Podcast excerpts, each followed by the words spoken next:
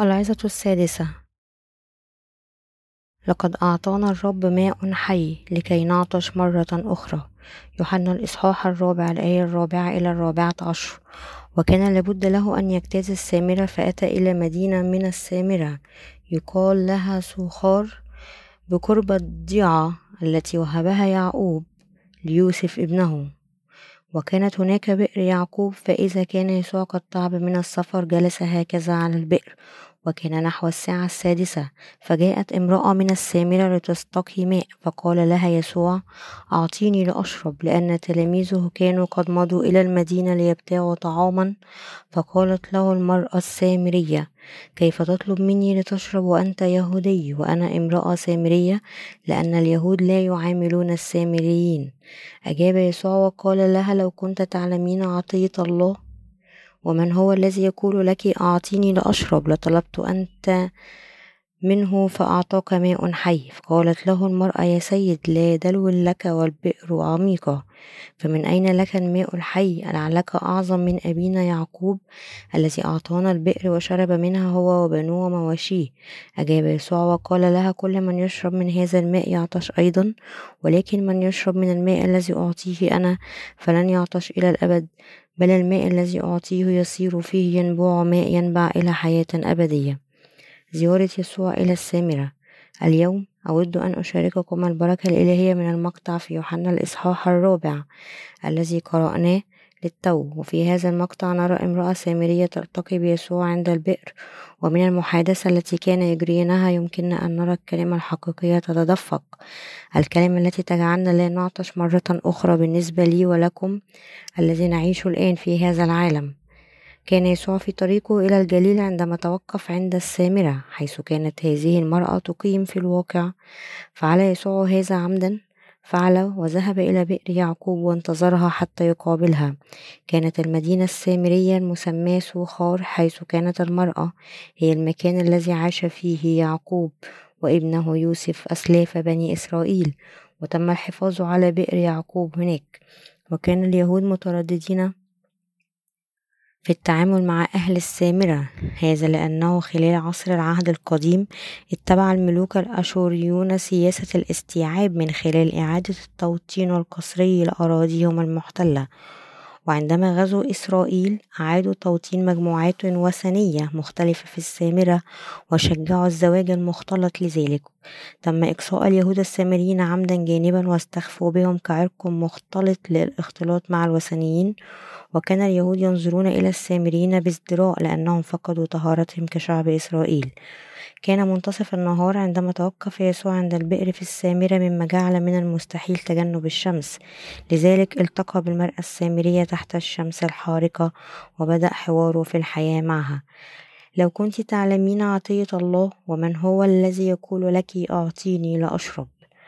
قالت المرأة السامرية ليسوع كيف تطلب مني لتشرب وأنت يهودي؟ وأنا امرأة سامرية لأن اليهود لا يعاملون السامريين أجاب يسوع وقال لها لو كنت تعلمين عطية الله ومن هو الذي يقول لك أعطيني لأشرب لطلبت أنت منه فأعطاك ماء حي. يوحنا الإصحاح العاشر الآية الرابعة. يمكننا أن نرى أن المرأة السامرية كان لديها بالفعل مشاعر عدائية تجاه اليهود حتى قبل أن تبدأ في التحدث مع يسوع شعرت بقدر كبير من الفخر من حقيقة أن بئر يعقوب كان في السامرة لذلك لم تعتبر إيمان أسلافها متفوقا فحسب بل كانت مهتمة أيضا بالفرق بين الإيمان وإيمان اليهود. كان حوالي الظهر عندما جاءت إلى البئر من الظهر إلى الساعة الثانية ظهرا أوقف الناس في تلك المنطقة أنشطتهم وأخذوا قيلولة حيث كان الجو حارا جدا. كان روتينهم اليومي هو الاستمتاع بالقيلولة بعد الغذاء حتى حوالي الساعة الثالثة مساء.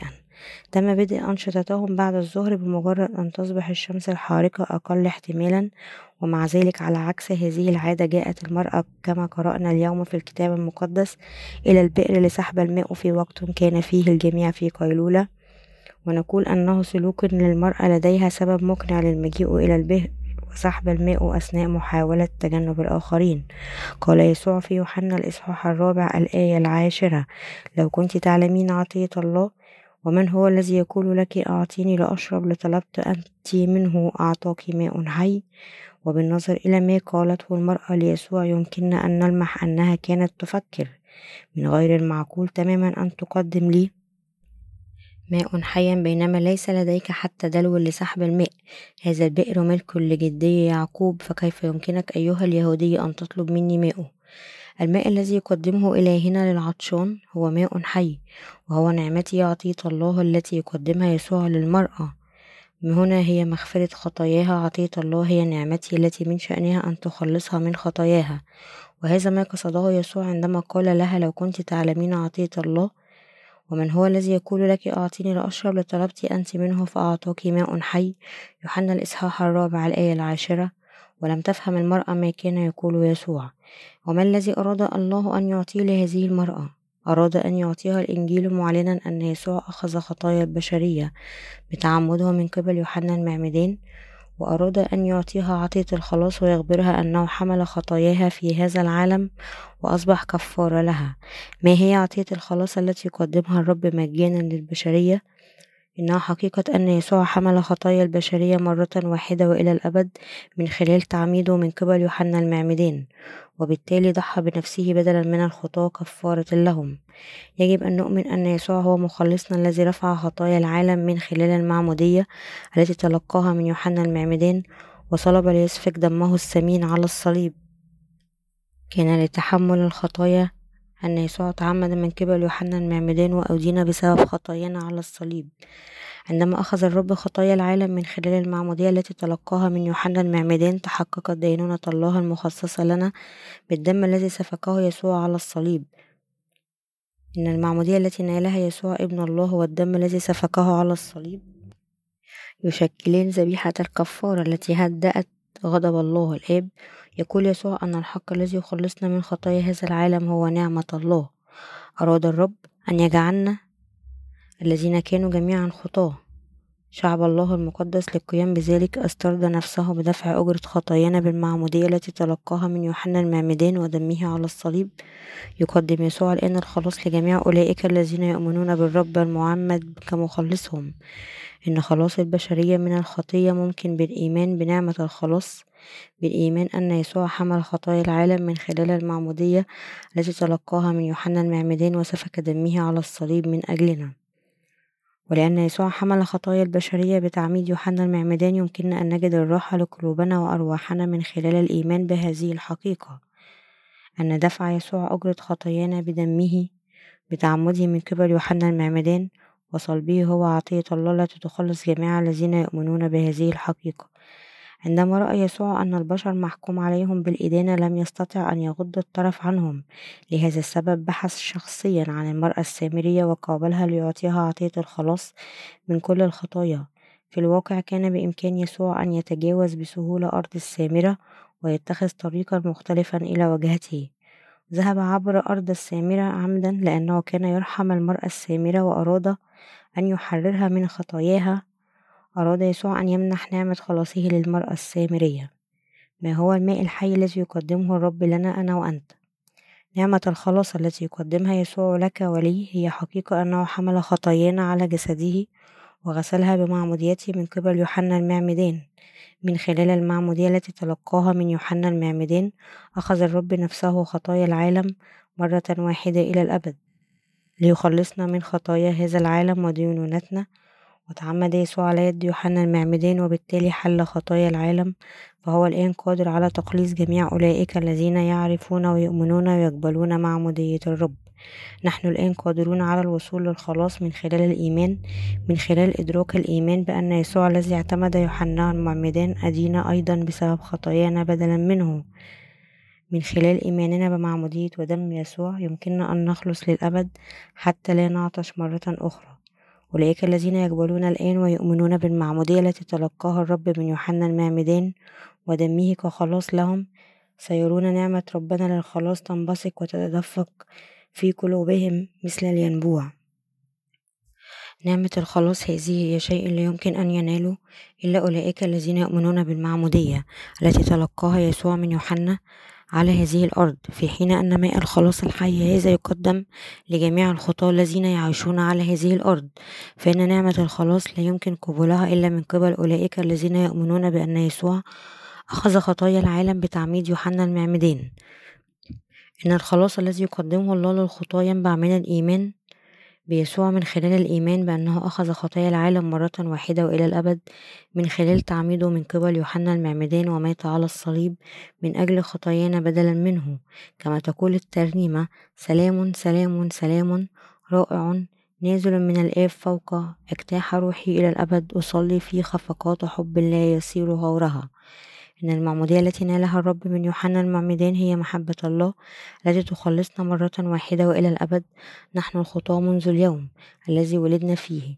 حمل يسوع خطايا البشرية على جسده مرة واحدة وإلى الأبد. والدم الذي سفكه عندما صلب كان ليحمل دينونة خطايانا بدلا عنا. نحن نخلص من خطايانا إذا قبلنا في قلوبنا المعمودية التي تلقاها يسوع من يوحنا المعمدان والدم الذي سفكه ليخلصنا من الخطية. سنأتي بعد ذلك لتذوق محبة الله ونرى نعمة الخلاص تنبثق في قلوبنا لتغسل خطايانا ولكي يعطينا نحن الخطاة عطية الخلاص. غسل يسوع نفسه كل خطايا البشرية مرة واحدة وإلى الأبد بتعمده من قبل يوحنا المعمدان كنا خطاة تماما مثل المرأة السامرية ولكن بدلا أن يتركنا لحالتنا الخاطئة. جاء الرب إلى الأرض باحثا عنا واعتمده يوحنا المعمدان في نهر الأردن.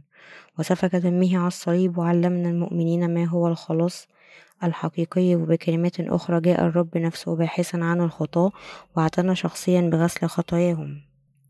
يجب أن تدرك وتؤمن بأنه بسبب المعمودية التي تلقاها يسوع من يوحنا المعمدان تم نقل كل خطاياك وخطاياي إلى جسده عندما تمم يسوع بر الله بتعمده من يوحنا المعمدان وانتقلت كل خطايانا إلى جسده بفضل هذا العمل. وسددت أجرة خطايانا مرة واحدة وإلى الأبد بالدم الذي سفكه يسوع على الصليب. وبالنسبة لنا جميعا نحن الذين نعيش في هذا العالم القاسي والخالي من الحب فقد غسل يسوع الآن خطايانا بالمعمودية التي تلقاها من يوحنا المعمدان وبالتالي يمكننا التحرر من خطايانا بفضل معمودية ودم يسوع اللذان يشكلان حقيقة الخلاص. لذلك بغض النظر عن عدد أوجه الكسور التي قد تكون لدينا يجب علينا أن نؤمن ونتمسك بحقيقة أننا غسلنا من خطايانا بالإيمان بالرب. الحياة في هذا العالم صعبة للغاية هذه الأيام لدرجة أن الناس في جميع أنحاء العالم يندبون مدى صعوبة الاستمرار في حياتهم. يكافح عدد لا يحصى من الناس من أجل حياتهم. قلقين بشأن الأعباء الضريبية المتزايدة باستمرار والتغيرات المناخية المتفاقمة. ومع ذلك من على الرغم من أننا نعيش في العالم الصعب وحتى لو كانت قلوبنا خاطئة طالما أننا نؤمن هذه اللحظة أن يسوع أخذ خطايا العالم مرة واحدة وإلى الأبد من خلال تعميده من قبل يوحنا المعمدان ونحن نؤمن بهذا الرب كمخلصنا. إذا كنا نؤمن أن يسوع حمل خطايا العالم مرة واحدة وإلى الأبد من خلال المعمودية التي تلقاها من يوحنا المعمدان وأنه أدين بسبب خطايانا بسفك دمه على الصليب فإننا نخلص من خطايانا من خلال إيماننا بحقيقة الخلاص طالما أننا نؤمن أن الرب أخذ خطايانا من خلال معموديته وصلب لسداد أجورهم. يمكننا جميعا أن نعيش وسط بركات الخلاص التي منحها الله من خلال وضع إيماننا في محبته. يا لها من نعمة رائعة أن أنت وأنا أصبحنا الآن بلا خطية في قلوبنا. لا يمكن للكلمات أن تصف مدى امتناننا لله. لحقيقة أننا تلقينا مغفرة الخطايا. قلوبنا تفيض بالشكر لأننا وصلنا إلى الخلاص الحقيقي بقبول كلمة معمودية يسوع في قلوبنا. ويمكننا أن نخلص من خلال الإيمان بكلمة معمودية الرب. أولئك الذين يدركون ويؤمنون بهذه الكلمة العجيبة عن غسل الخطايا لابد أن يكونوا في سلام مع فرح ينبع من أعماق قلوبهم. لذلك بعيدا عن العيش في معاناة بسبب خطايانا نحن الآن قادرون على عيش نوع الحياة حيث لا تعطش نفوسنا مرة أخرى وكل ذلك لأننا نؤمن بكلمة المعمودية التي تلقاها ربنا من أجلنا. هكذا نأتي لنقدم الشكر والمجد لربنا في حياتنا المباركة قلوبنا تفيض بفرح الخلاص. كنا تماما مثل المرأة السامرية بطبيعتنا من قبل. كنا جميعا مثل المرأة السامرية في عيني الرب مليئة بأمتعة الحياة وجاءت المرأة السامرية لسحب الماء وبينما كان الجميع يأخذون قيلولة. وبالنظر إلى كيفية وصولها إلى بئر يعقوب لسحب الماء عند الظهيرة تحت إشعة الشمس الحارقة لا بد أنها عاشت حياة صعبة للغاية في هذا العالم. يمكننا أن نرى أنها نفسها لم تكن سعيدة بحياتها وعلى الأرجح لم يكن لديها خيار سوى سحب مياه البئر. وفي هذه الساعة أرادت إعداد وجبات الطعام لعائلاتها ومواصلة حياتها اليومية. وعندما نفذت المياه في اليوم التالي لابد أنها عادت إلى البئر مرة أخرى. وكانت المرأة تعيش في هذا العالم بعطش مستمر لا يروى.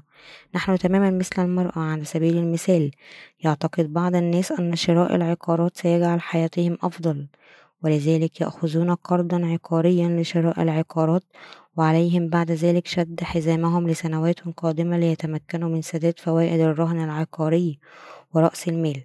ويعتقد الناس أيضا أن العثور على وظيفة جيدة سيجعلهم سعداء ولكن هذا ليس صحيحا حتى لو اجتازوا جميع أنواع العقوبات للحصول على وظيفة رائعة في شركة رائعة يمكنهم بسهولة أن يجدوا أنفسهم مسرحين عندما تنهار الشركة التي يبدو أنها تضمن مستقبلهم. وبعض الناس يفعلون كل ما في وسعهم للارتقاء في السلم الاجتماعي لتوضيح ذلك. فكر في امرأة تتردد على نادي اجتماعي حصري مخصص للطبقة العليا وتدفع رسوم النادي وتتعلم اللغة المصقولة للطبقة العليا وتستثمر قدرا كبيرا من المال في جعل مظهرها الخارجي جميلا وكذبا وتشتري حقائب وملابس فاخرة. ثم تفكر في نفسها هذه هي الطريقة الوحيدة التي يمكن من خلالها الصعود. إذا قابلت رجلا لطيفا واحدا هنا يمكنني تغيير حياتي. نجحت المرأة أخيرا في مقابلة رجل يبدو لطيفا يخبرها أنه يحبها وبعد فترة من المواعيد يتزوجان يتزوجان. تدرك في النهاية أن زوجها كان مثلها تماما يحاول تسلق السلم الاجتماعي وكان زواجهما نتاجا للخداع المتبادل. بمجرد أن تعرفوا على بعض جيدا أدركوا أنهم كانوا يحاولون فعل الشيء نفسه. لذلك تفكر المرأة في نفسها أيا كان من التقى بها في المرة القادمة. سأقوم بالتحقيق في خلفيتي بدقة قبل تقديم أي التزام. تلتقي برجل آخر وهذه المرأة تقوم بالعناية الواجبة. الرجل ثري بالفعل ويبدو أن كل شيء على ما يرام. تنتقل للعيش معه ويبدو أن كل شيء عنه رائع.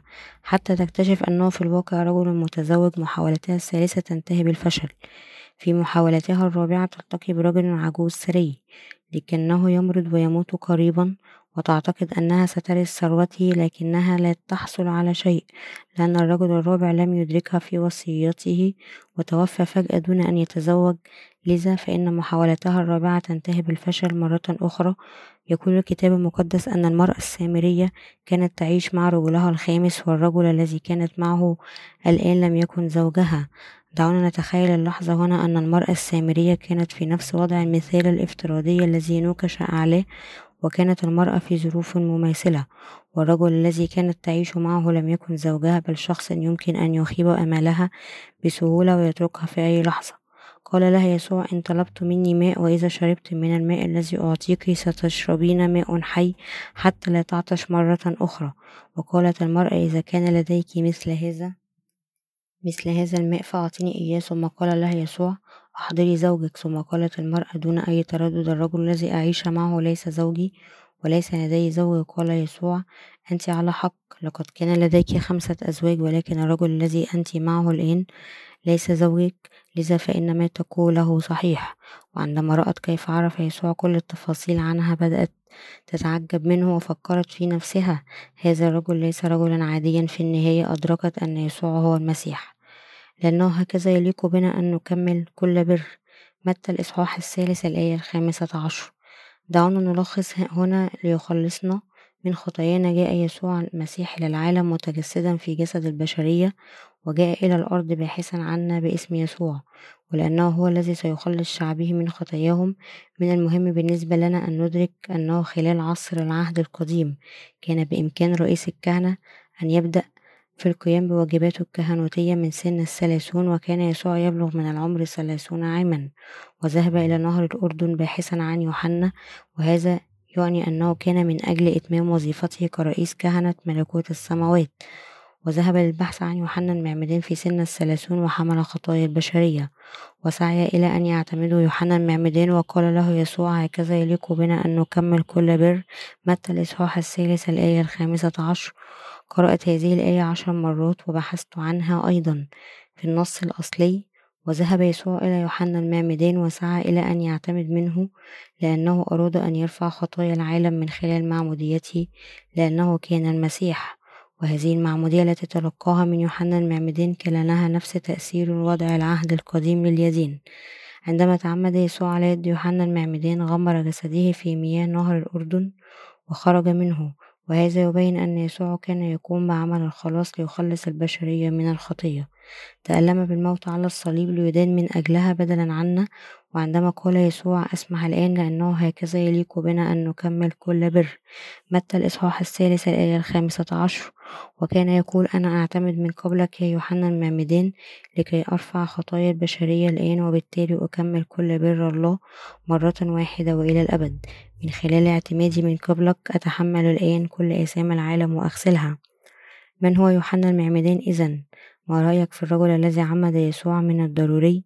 بالنسبة لنا أن نعرف السبب الدقيق وراء تعميد يسوع على يد يوحنا المعمدان كان يوحنا المعمدان أعظم المولودين من النساء تماما كما قال يسوع الحق أقول لكم لم يكن بين المواليد من النساء أعظم من يوحنا المعمدان متى الإصحاح الحادي عشر الآية الحادية عشر ويمكن وصف يوحنا المعمدان أنه ممثل البشرية عندما نفحص ولادة يوحنا نرى أنه كان ابن زكريا المولود في بيت من رؤساء الكهنة الذي يعود نسبهم إلى عصر العهد القديم.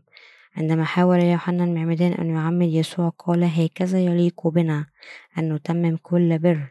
في اليونانية كلمة هكذا هنا هي هوتوس والتي تعني بهذه الطريقة أو ليس بطريقة أخرى غير هذا أو هذه وتشير إلى المعمودية. ومن خلال تعميده من قبل يوحنا أخذ يسوع خطايا البشرية مرة واحدة وإلى الأبد ونقل يوحنا المعمدان ممثل البشرية خطاياهم إلى جسد يسوع مرة واحدة وإلى الأبد من خلال المعمودية التي أعطاها ليسوع. تم تحقيق كل بر عندما عمد يوحنا المعمدان يسوع وانتقلت كل خطايا هذا العالم لجسده مرة واحدة.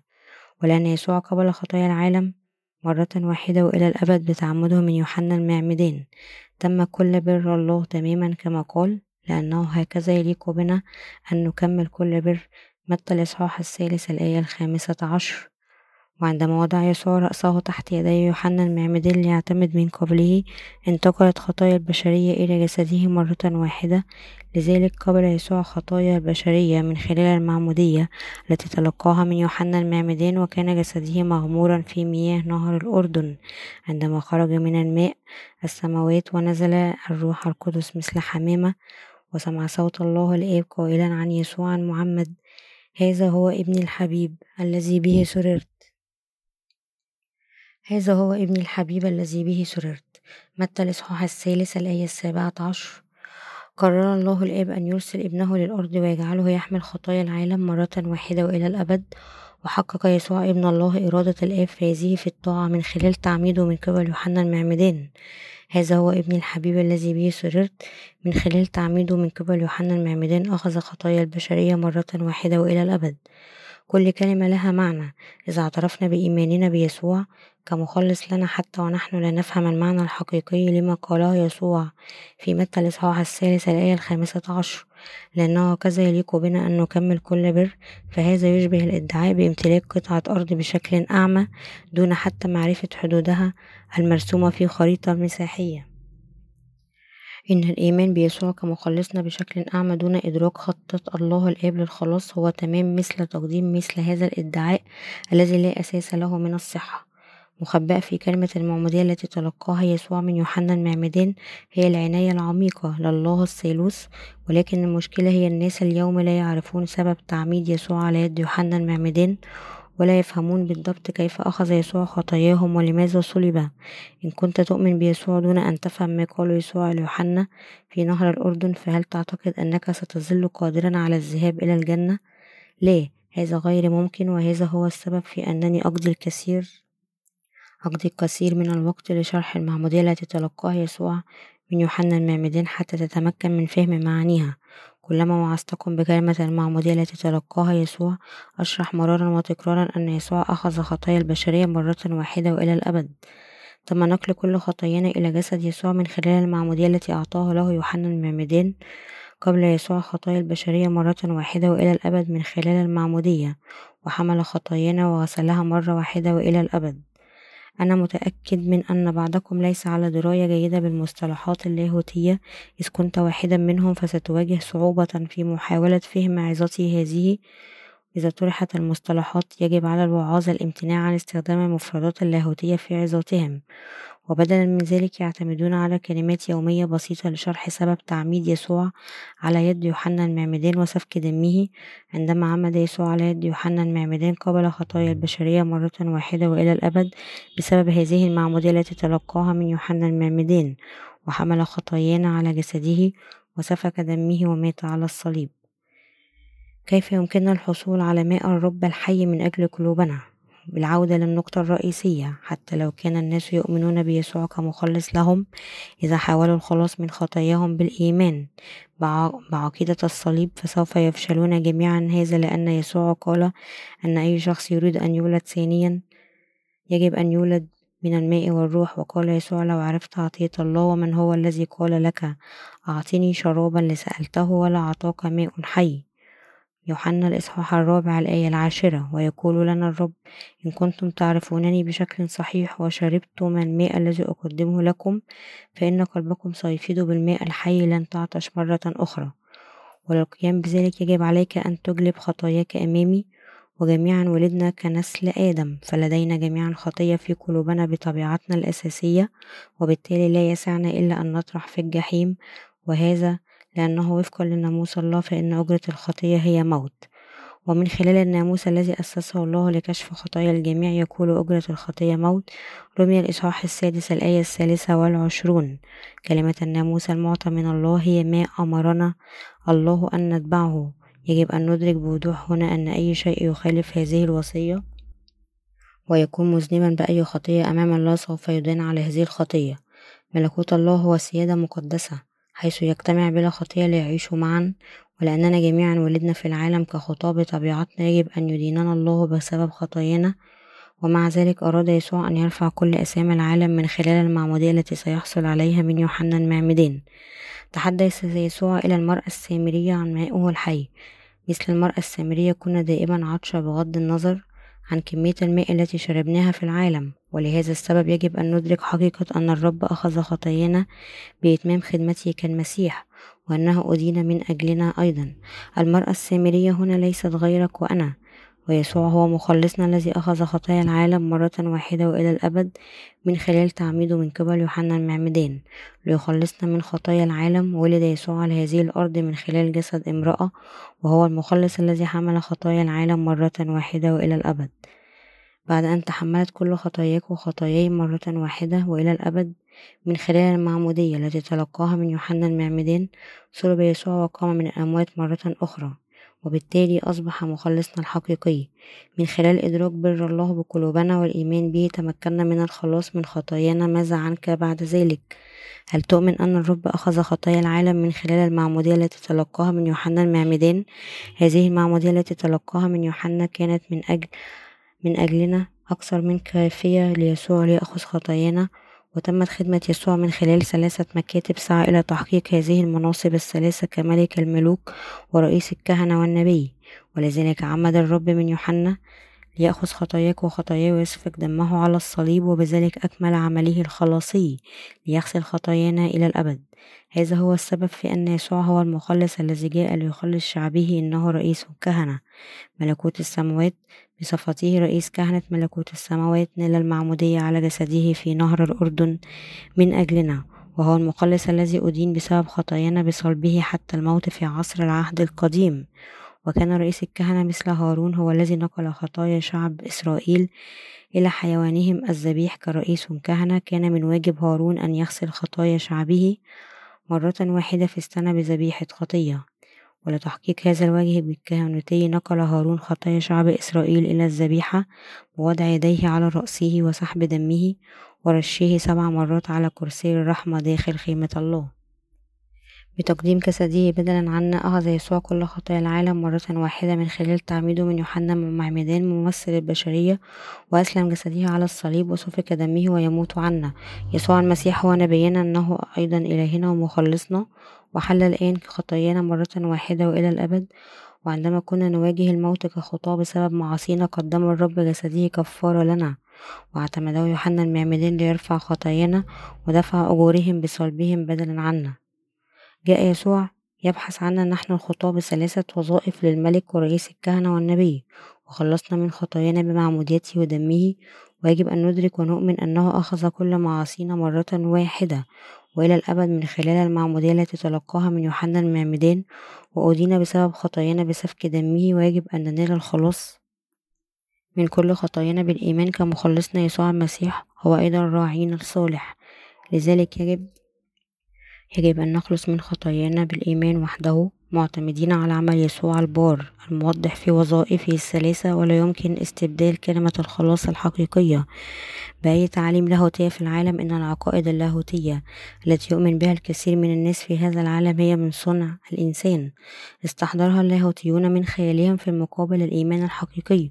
هو كل شيء عن النظر إلى المعمودية التي تلقاها يسوع من يوحنا المعمدان والدم الذي سفكه على الصليب عندما جاء للأرض والإيمان بهما من القلب وتلقى الخلاص من خلال هذا الإيمان يسوع هو إله الكلمة وطاعة لمشيئة أبيه أنقذ أولئك الذين هم تحت دينونة الخطايا من خلال معموديته ودمه. ويجب أن يوضع إيماننا في عمل الله البار الذي قام يسوع بتعمده من يوحنا المعمدان وأخذ خطايا البشرية. بالإيمان يجب أن نخلص ونصبح أبناء الله. أولئك الذين على الأرض الذين يؤمنون بالمعمودية التي تلقاها ربنا من يوحنا المعمدان ودمه سينالون الخلاص والحياة الجديدة من الرب. بالإيمان ببر الرب الرب ننال مغفرة خطايانا من قلوبنا. لا يمكن لأي عقيدة أو فلسفة أو لاهوت من صنع الإنسان أن تجعل من الممكن أن نغسل من خطايانا مرة واحدة وإلى الأبد. وفي المقابل من خلال فهم بر يسوع والإيمان به يمكننا أن نخلص ليس فقط من خطايانا الماضية ولكن من كل خطايانا المستقبلية. لقد خلصنا يسوع من خطايانا من خلال المعمودية التي تلقاها من يوحنا المعمدان والدم الذي سفكه على الصليب من أجلنا. نؤمن بمعمودية يسوع وسفك دمه. عالمين أنه بدونهما لم يكن مغفرتنا للخطايا ممكنة. العقائد اللاهوتية من صنع الإنسان في العالم ليس لديها حقيقة التجديد نجده خلاصنا فقط في المعمودية التي تلقاها الرب من يوحنا المعمدان والدم الذي سفكه على الصليب. ومن خلال الإيمان وحده يمكننا أن نولد ثانيا مرة واحدة وإلى الأبد من خلال الإيمان بالمعمودية التي تلقاها الرب من يوحنا المعمدان. إن البشر الذين ولدوا مرة واحدة كخطاة مصيرهم أن يدينوا على خطاياهم وليس لديهم خيار سوى أن ينتهي بهم المطاف إلى الجحيم. ومع ذلك فقد تمم الرب خلاصنا من خلال المعمودية التي تلقاها من يوحنا المعمدان وبالإيمان بهذا الخلاص يمكننا أن نخلص مرة أخرى إلى الأبد على الرغم من أننا جميعا ولدنا كخطاة مرة واحدة إلا أننا يمكن أن نولد ثانية للمرة الثانية من الحالة الخاطئة إلى الأبرار. من خلال وضع إيماننا في المعمودية التي تلقاها الرب من يوحنا المعمدان ودمه.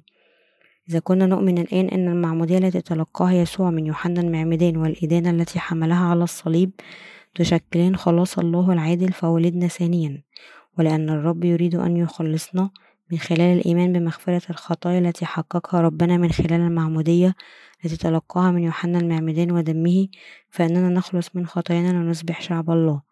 صرخت المرأة السامرية لقد قابلت المسيح. الناس تعالي إلى هنا. لقد قابلت المسيح. المسيح هو يسوع المسيح مخلص البشرية. جاء المسيح يبحث عن المرأة السامرية بينما كانت تعيش في العالم والتقت به الآن وتعني الممسوح. يجب أن ندرك هنا أن خلاصنا من الخطية يتم يتم من خلال وضع إيماننا في الخلاص الذي تم بالماء والروح القدس من خلال الإيمان بالمعمودية التي تلقاها من يوحنا المعمدان. ولأننا نعرف ونؤمن ببر يسوع المسيح مخلصنا فقد ولدنا الآن من جديد من, من خطايانا ونصبح أبرارا مرة واحدة إلى الأبد من خلال الإيمان بالمعمودية التي تلقاها يسوع من يوحنا والدم الذي سفكه على الصليب يمكننا أن نصبح شعب الله بعد أن أصبحنا عاملين لله. يمكننا أن نعيش حياتنا بالإيمان. لقد أصبحنا شهودا نكرس بإنجيل الخلاص. بالإيمان لقد بارك إلهنا حياتنا لنكون قادرين على نشر مثل هذا الخلاص المذهل والتبشير بإنجيل بره. وأنا أكرم الله وأشكره على هذه البركة الرائعة. سبحان الله.